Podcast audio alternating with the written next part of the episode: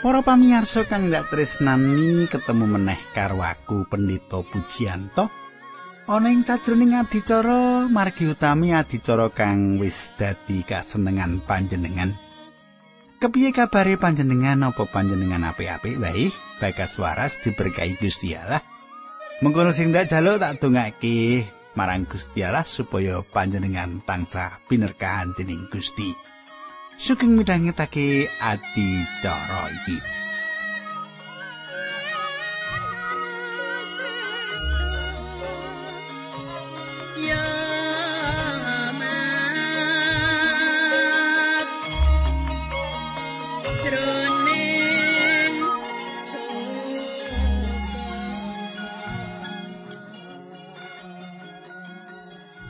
Para pamirsa, tak jaluk panjenengan isi kelingan apa kang ndak aturake nalika patemon kita kepungkur Panggilit kita saiki wis mlebu pasal 10 Injil Lukas kepungkur Gusti Yesus maringi contoh ana telu wong sing kepingin derek lan nderekake Gusti Yesus. Ana jinis wong telu jinis wong sing kepingin derek lan nderekake Gusti Yesus. Katangku sadurunge tak teruske, monggo kita tumungkul kita ndedonga dhisik. Kanjeng Rama ing swarga kawula ngaturaken gunging panuwun dene wekdal menika kawula saged tetunggilan kalian sederek-sederek kawula ingkang setya tuhu midhangetaken adicara menika. Kawula pasrahaken adicara wonten ing asta paduka nyuwun tulung berkah paduka lumeber ing sanak katang kawula menika. Dinambaran asmanipun Gusti Yesus Kristus kawula tunggu haleluya amin.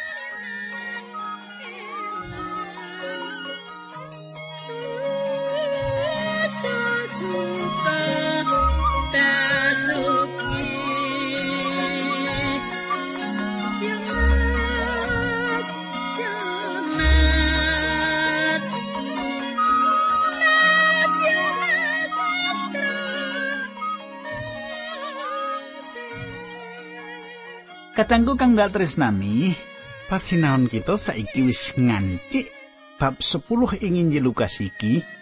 Lan panjenengan tak derekake miwiti maca kitab suci yaiku saka Injil Lukas 10 ayat 1 lan 2. Tak suwun panjenengan wis nyawisake kitab suci panjenengan bab 10 Injil Lukas ayat 1 lan 2. Aku nganggo basa petinan.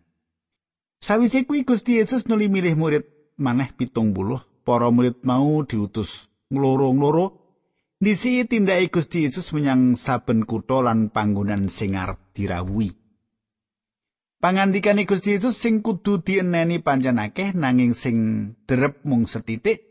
Mulane padha nyuwuna marang sing kagungan panen kersa ngutus wong luwih akeh maneh kanggo ngumpulake panenane.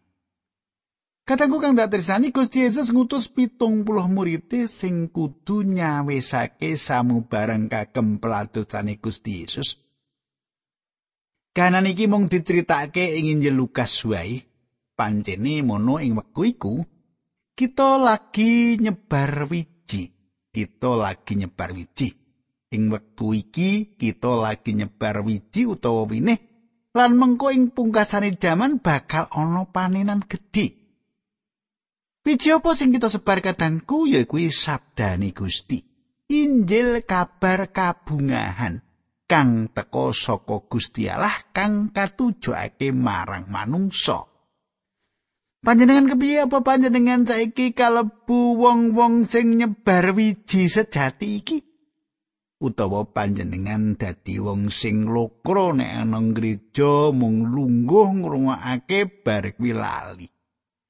Kewajiban kita yaiku nyebar winih. Sok nek wis pungkasaning jaman kita bakal panen gedhe. Nah katengku tak teruske Lukas bab 10 ayat telu lan papat. Podho mangkato. Kuwi ndak utus kaya cempe ing satengah asu ajek. Aja padha sangu duit utawa nggawa kantong kanggo nampani sedekah apa dene sepatu uga aja padha mandek ana ing dalan nyalami sapa-sapa. Ayat 5 tekan pitu. Menawa kuwi mlebu ing sawijining omah ngucap tentrem rahayu ana ing kowe kabeh. yen wong sing padha manggon ing omah kono mau seneng marang katentreman salammu bakal njelari wong-wong mau padha oleh katentreman nanging menawa wong-wong mau padha ora seneng marang katentreman salammu bakal bali meneh marang kowe. Ayat pitulan wolu. Lestario manggono ning brayat kono padha mangano lan ngombe apa sing disuguhake marang kowe sebab wong nyambut gawe kuwi wis sak mesine nampa opah aja padha ngolah ngalih nggonmu nginep. Ayat 8 lan 9 yen kowe mlebu ing sawijining kutha lan ana ing kono ditampa kelawan becik mangano apa sing disuguhake marang kowe wong loro ing kutha kono padha warasna lan wong-wong padha kandhanono kratone Allah ana ing tengahmu Katangku kang ndak tresnani. Gusti Yesus dawuh supaya para murid padha cekat-ceket ing pakaryan. Ora susah micara sing tanpa guna. Para murid kedawan nyiapake atine wong-wong menehi pangerten kanthi mengkono kanthi legawa lan semangat padha tinar buka atine pribadi mboko pribadi kanggo nampani Kristus sing bakal rawuh. Dadi tugas buka ati, tugas ngandani, tugas nyerai, tugas martakake kabar kabungahan. Iki tugase kita. Kita kudu mituhu dawuh kang wis didhawuhake Gusti Yesus. Aja kokean sembrono, aja kokean ngomong sing ora ana gegayutane karo pakaryane Allah iki. mangertiyo Gusti Yesus bakal rawuh neh lan wong-wong sing ora nampani Gusti Yesus bakal disisihake lan sing nampani Kristus bakal kawenganan lawanging kasuwargan saiki Lukas 10 ayat 10 nganti telulas. Yen ana kutha sing kok leboni nanging ora gelem nampa kowe, lunga menyang dalan-dalan gedhe ing kutha kono sarta munio mengkene. Dalasan bleduke kutamu sing nempel ana ing sikilku kuwi ndak ketapake ana ing ngarepmu. Nanging padha titenono ora suwe meneh kratone Allah bakal diwiwiti ana ing tengahmu. Titenono ing dina kiamat kutha Sodom bakal luwih diwelasi dening Gusti Allah ketimbang karo kutha kuwi. Cilaka kowe, kutha Korasim. Cilaka uga kowe, kutha Betsaida, sebab upama ing kutha-kutha Sidon lan Tirus ana mukjizat kaya sing kelakon ning tengah-tengahmu, wong-wong ing kono mesti wis biyen-biyen nggone nerangsani dosane sarta padha nyandang bagor lan lungguh ing ngawu kanggo mbuktekake nggone mertobat. Ayat 14 nganti 15. Besok ing dina kiamat para wargane kutha Tirus lan Sidon bakal luwih diwelasi dening Gusti Allah ketimbang karo kowe. Lan kowe kutha Kapernaum pangiramu kowe bakal dijunjung nganti tekan swarga, ora bakal. Kowe malah bakal dicemplungake ana ing neraka. Ayat 16 nganti 19. Gusti Yesus tuli ngendika marang para murid, "Sapa sing manut marang piwulangmu, kuwi uga manut marang aku, lan sing sapa nampik kowe, kuwi ya nampik aku lan sapa sing nampik aku kuwi ya nampik panjenengane sing ngutus aku. Murid Gusti Yesus pitung puluh mau padha bali kanthi bunga sarta padha matur Gusti dalasan para murid semangsa kawula tundung atas asma panjenengan tentu sami tunduk dateng kawula. Ayat 18 dan 19. Gusti Yesus ngendika, Aku ndelengi iblis tiba saka ing langit kaya cumlereting kilat. padha tiling kowe wis padha ndak wenehi kasekten ngidak ulolan kala jengking sarta ngalahake kekuatane mungsuh lan ora ana perkara apa wae sing bisa gawe cilakamu ayat 20 ewa semono kowe aja padha bungah merga demit-demit wis padha tunduk marang kowe aluwung padha bungao merga jenengmu wis katulis ana ing swarga Para mitraku kang ndak tresnani pitung puluh murid sing padha bali saka pelayanan dipratelake ditulis dening Lukas. Para murid iku mau padha bungah-bungah atine. Jalaran apa? Jalaran pelayanan sing ditindakake rumangsa kasil.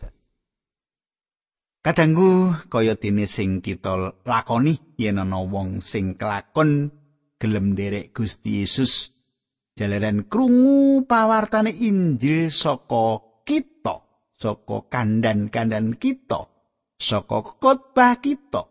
Wah, mesti kita seneng banget. Mesti kita seneng banget nalika ngerti kabar mau eh sinaya si suto.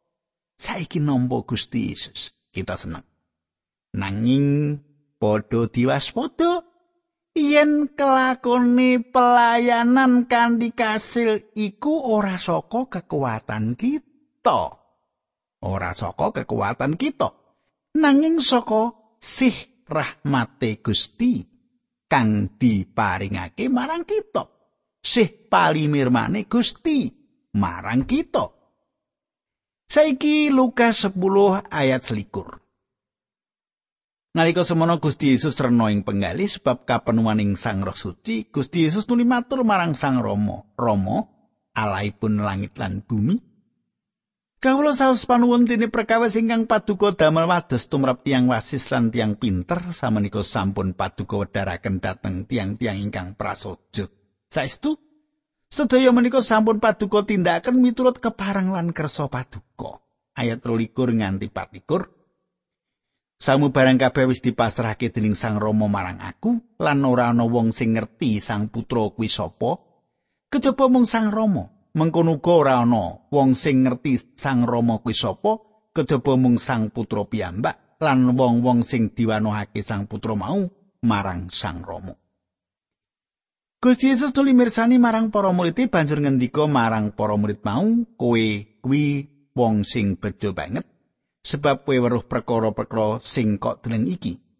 Sebab elingo akeh nabi lan ratu sing kepengin padha ndeleng apa sing kok deleng iki nanging padha ora bisa. Padha kepengin krungu apa sing saiki padha kok rungu nanging ora kelakon. Kadangku kang ndak tresnan.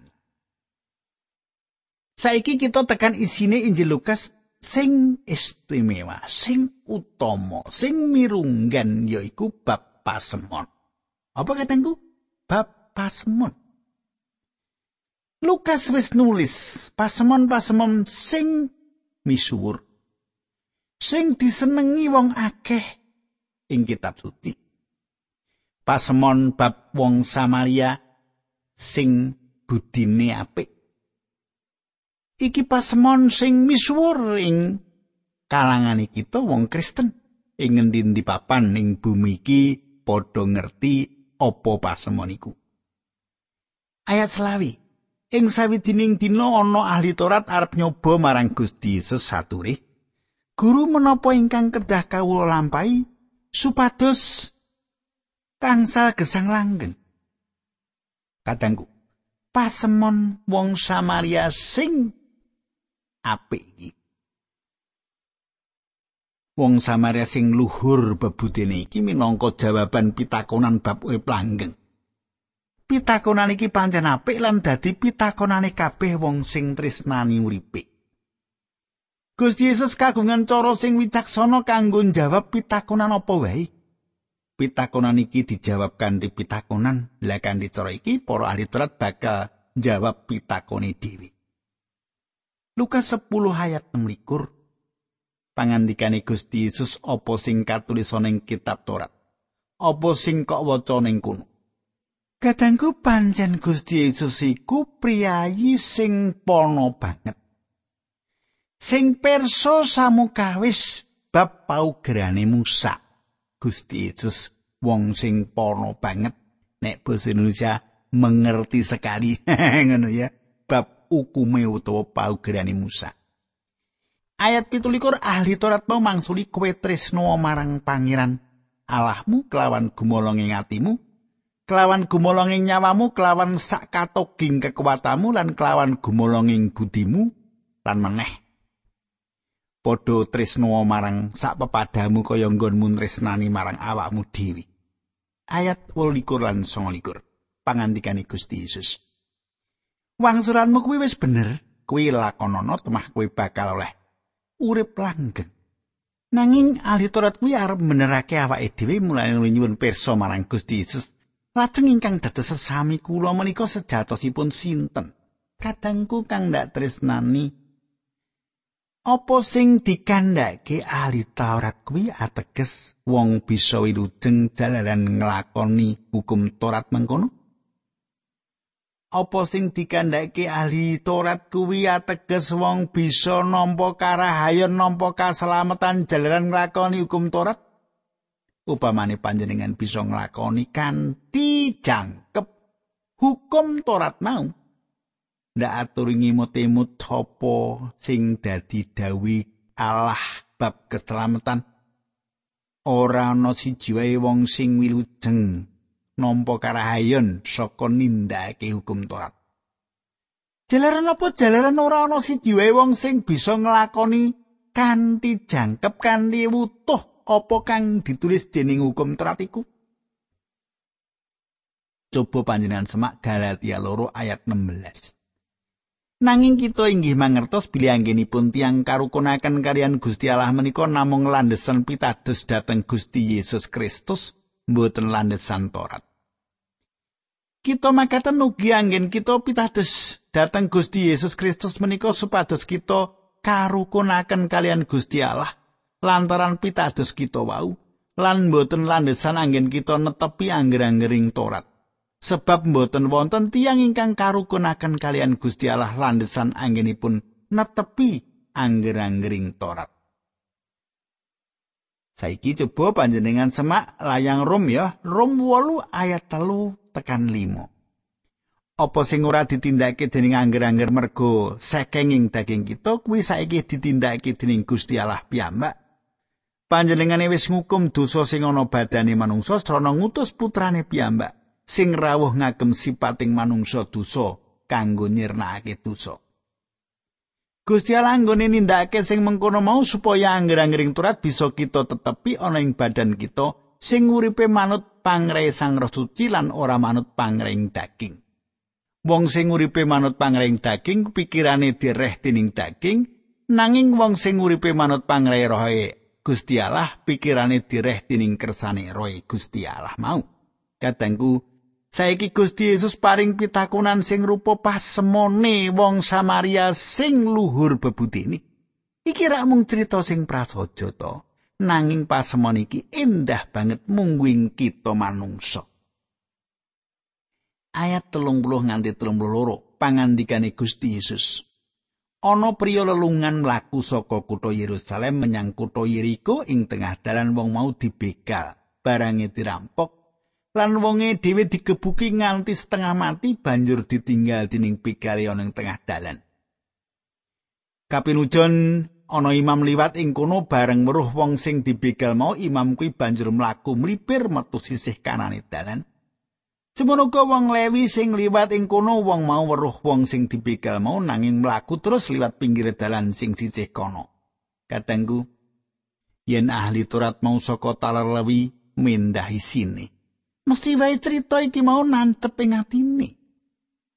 Wong Lewi sing takon mau, wong ahli Torat sing talar saka Lewi ngerti critane Gusti Yesus sing mengkono mau, mindahi sini aku ora nindakake sing mengkono. Crita sing diceritakake Gusti Yesus kuwi mesti namplek raini.